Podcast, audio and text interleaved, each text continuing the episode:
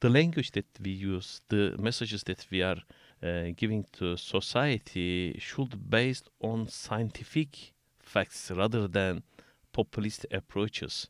Because uh, this outbreak showed us that we must increase the public trust and we must increase the trust to science uh, especially health sciences. And also we should uh, increase the trust to politicians because m- most of the countries right now, uh, the country leaders are trying to make a balance between economic losses, health losses. So they need to run the economy, but they need to save the millions of people's lives. So it's a kind of balance that needs to be uh, taken care of very seriously. It is really difficult to sometimes find the words, you know, to explain those interventions. But there is no one magic way. But democratic country leaders are using more transparent languages. For example, look at when I look at the Norway, for example, Australia, New Zealand. Those country leaders are really communicating very clearly in a basic manner. Uh, by using uh, very basic languages with the people, so people can easily understand. Clear language, communication, good, uh, transparent communication, basic messages are very, very important. We are not in a war right now. We are right now. It's a kind of consensus building are very important right now, and uh, working very closely with the other groups, oppos- opposition leaders, institutions, and international cooperation. Those are the main things that we should be considering very seriously in terms of delivering best messages to those people. Again, uh, plain speaking is very important right now. Plain speaking. You heard Dr. Adnan Kisa. He is professor of health policy and economics at Kristiania University College School of Health Sciences. And my name is Arne Kramsvik.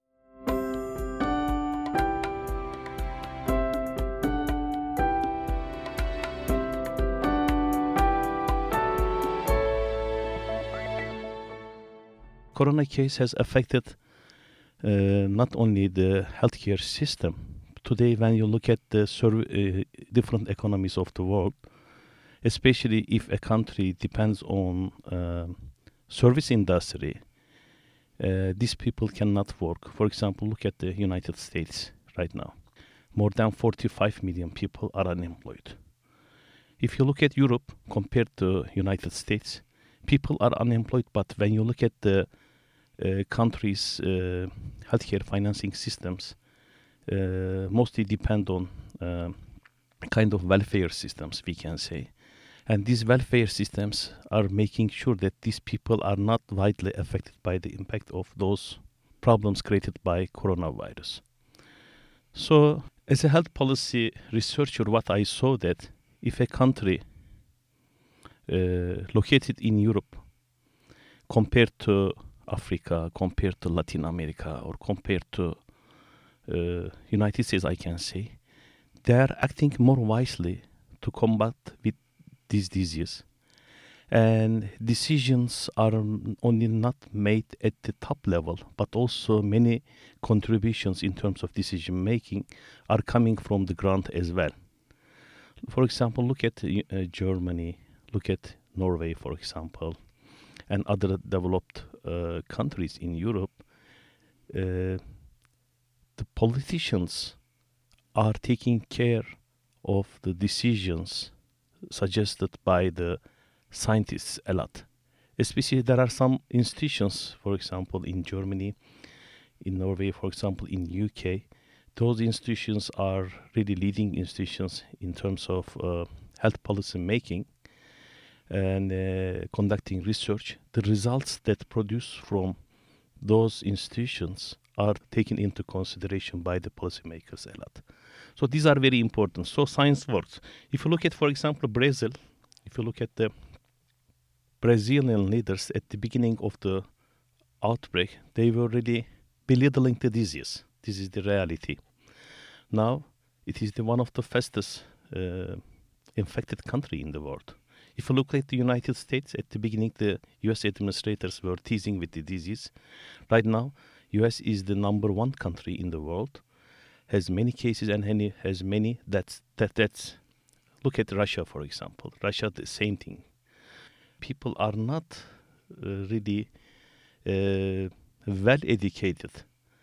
Uh, we call it uh, health literacy. Uh, the health literacy, literacy rate of people in many countries are very low. So this is, in, this is a kind of infectious disease. So compared to chronic diseases, that, that means you must focus on a lot, especially uh, universal precautions. For example, social distancing, using masks, cleaning hands, and keeping uh, virus away and uh, keeping yourself from the crowded places. Those are very basic things, but still very active, especially if you look at the other type of interventions. These are the public health interventions that are working very well.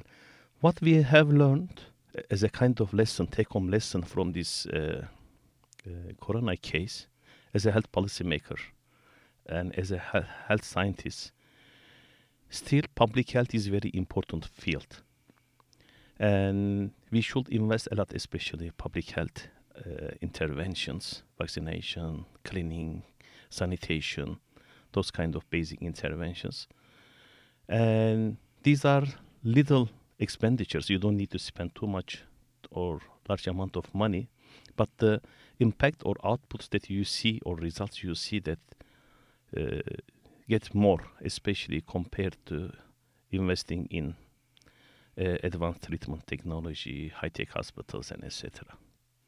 Second uh, lesson that I can say, uh, because public health is very important, uh, having highly trained and well-educated healthcare professionals and health workforce is very important you can have very strong armies. You can have uh, high tech uh, weapons, but when you face with a kind of outbreak, what you see that uh, in addition to good facilities, you must have a wonderful uh, healthcare professionals. During this corona case, what we see that all healthcare professionals work in the hospitals, in primary healthcare facilities, or at any uh, healthcare facility, uh, they are sacrificing their lives to save millions of people.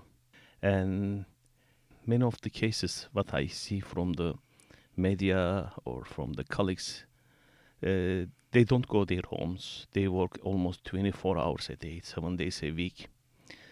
And their body, you know, are not very strong because they are human beings and sometimes they are infected. So uh, I heard some of my colleagues, for example, had diseases and a few of them died in different countries. And I think that they should receive uh, one of the biggest uh, awards in this world in 2020 2021 because uh, like they are contributing the peace. They are making big contribution to health of the people in the world, and they are making big contribution to human beings to keep them healthy. So they deserve this. They are very devoted people. Uh, this is the second lesson that we should have train highly qualified and also highly skilled healthcare professionals. Third one is a kind of ter- uh, take uh, take home lesson I can say as a health policy uh, scientist. Consensus is very important because when I look at the management of outbreak in the world, what I see that if a country leader doesn't cooperate with the national institutions, they don't uh, listen the voices of opponent oppos- oppositions oppo- opposition parties or opponent institutions. Th- these countries are having really serious problems right now. Because, for example, what I can say, one example from Turkey I can uh, give.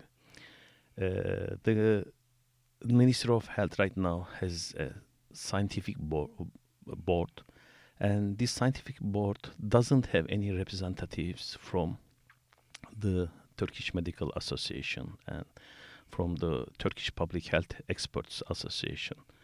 So most of the people in this board are having background in clinical sciences, and there is no no uh, scientists have background in public health and also in uh, psychiatry, for example. I can say these are very important. So uh, the reason why the government is not uh, having uh, Turkish Medical Association in the scientific board because the most of the members of those Turkish Medical Association and also uh, Turkish Public Health Association are considered as a kind of uh, left wing uh, supporters. So currently, right now, the right wing government is administrating Turkish uh, people. So they don't like to listen to the voices of, of the other uh, people having different uh, opinions. Same thing happening in uh, United States, you can see that, for example, the current administration in the United States are blaming uh, Democrats, and they are saying they did bad and bad, therefore we are having those problems. So, blaming oppositions, blaming uh, people have different views are not a kind of solution. So, consensus is needed. The, the fourth uh, take-home lesson I can say is the all institutions in the education sector, for example, higher education and secondary education, even though at the elementary education level, should develop new teaching and learning techniques by using the digital technology. Because in many countries, what we see, for example, the universities are locked down.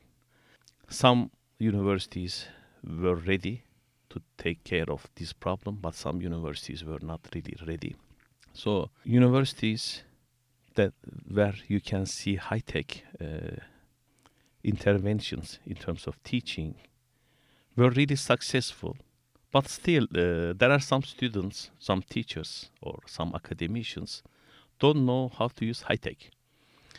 High tech doesn't mean that it's in a kind of effective way of teaching or effective way of learning, but we should find some kind of balance. So the pedagogy approach during the outbreaks, uh, especially in, in, this corona, because we are right now using home offices, home schools right now, are forcing us to develop basic, most cost effective teaching and uh, learning strategies for the higher education institutions and secondary and even the primary level education institutions.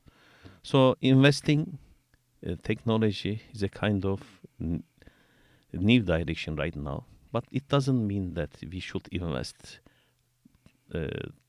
for high tech equipment, basic equipments. Basic uh, devices are very cheap and most more co- cost effective. So, uh, as a uh, as an academician, uh, I must find out new digital teaching methods for my students. It doesn't mean that uh, in-class education can be replaced with this new digital technology or with this e-learning technology. But we should have plan A, B, C, D, E, F, G from A to Z actually, uh, different type of interventions we should develop. This another, uh, yeah. Think plan, planning is a key key here because uh, uh, I think we have been fast learners both at universities and uh, and in health uh, systems and uh, and politicians. We have all been fast learners in this situation. But I was wondering about the, the, level of preparedness because this is not the first time in history we have a pandemic. Yeah. So so so why is it that society is so low on preparedness? Uh, because when you look at the uh, historical development of different outbreaks. Uh, Spanish flu is very famous, uh, early 1900.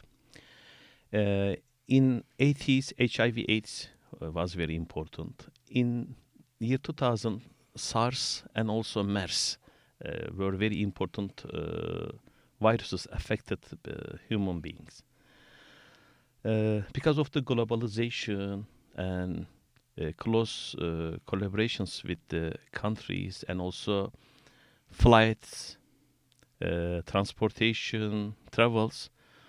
But we see that there is no actually real borders of the countries because from one country to another country you can see that, this disease transmission is very uh, high and you can spread the diseases very easily even though because a small part is uh, can make human being's life uh, miserable why we are having this problem because uh, when you look at the other outbreaks this is the so far only uh, infectious disease that we cannot control by using known medical treatment and vaccines. Therefore, we are not very sure about what kind of disease we are fighting.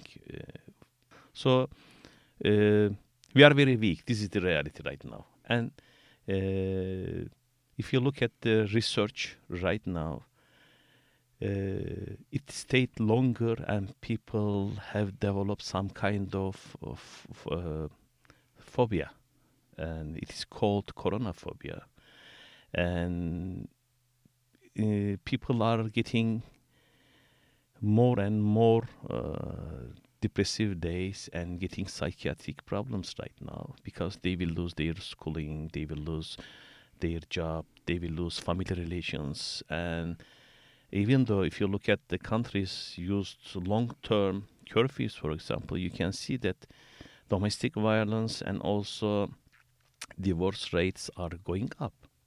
And if you look at the uh, other side effects or, negative uh, effects of this the disease, right now the known methods are not working. This is the problem, and uncertainty makes people more crazy.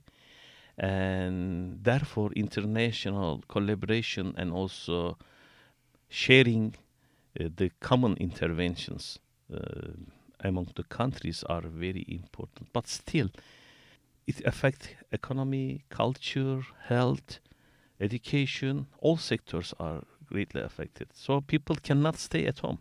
So if you are if you are developing plans in the long run to keep people at home uh, this is very very serious problem because actually uh, in the modern life we don't stay at home a lot. This is the reality. We need to go for shopping go for movie theaters go for social activities even though you you cannot find enough space to exercise. You look at the fitness centers are shut down. And you can if you want to go to uh, shopping centers limited amount of people are allowed to go in. So the problem is the uncertainty uncertainty because when you look at the explanations made by the researchers and also country leaders even though they are providing some kind of hope for the future they say uh, in two years we will really know how we will deal with these diseases. This is the reality. Six months passed, and during the last three months, all countries are taking very serious actions. People cannot travel, cannot go to school, cannot work, cannot cooperate. For example, we are in a holy month of Ramadan right now in the whole uh, country, and the religious leaders are saying that don't go and visit your elders and don't go and visit your relatives, even though it affected uh, the religious life of the people in in the world.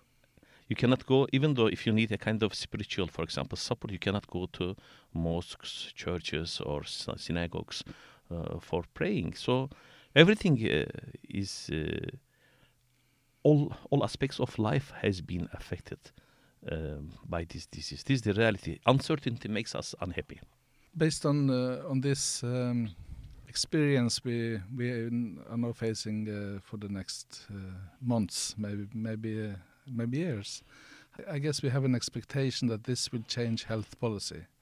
But if we want to be realistic, how do you think it will go to change health policy around the world? Health policies right now should focus on more uh, public health interventions and uh, investing a lot, especially in uh, school uh, health systems, for example, uh, well, what we see that we should be teaching more and more how to become a healthy person.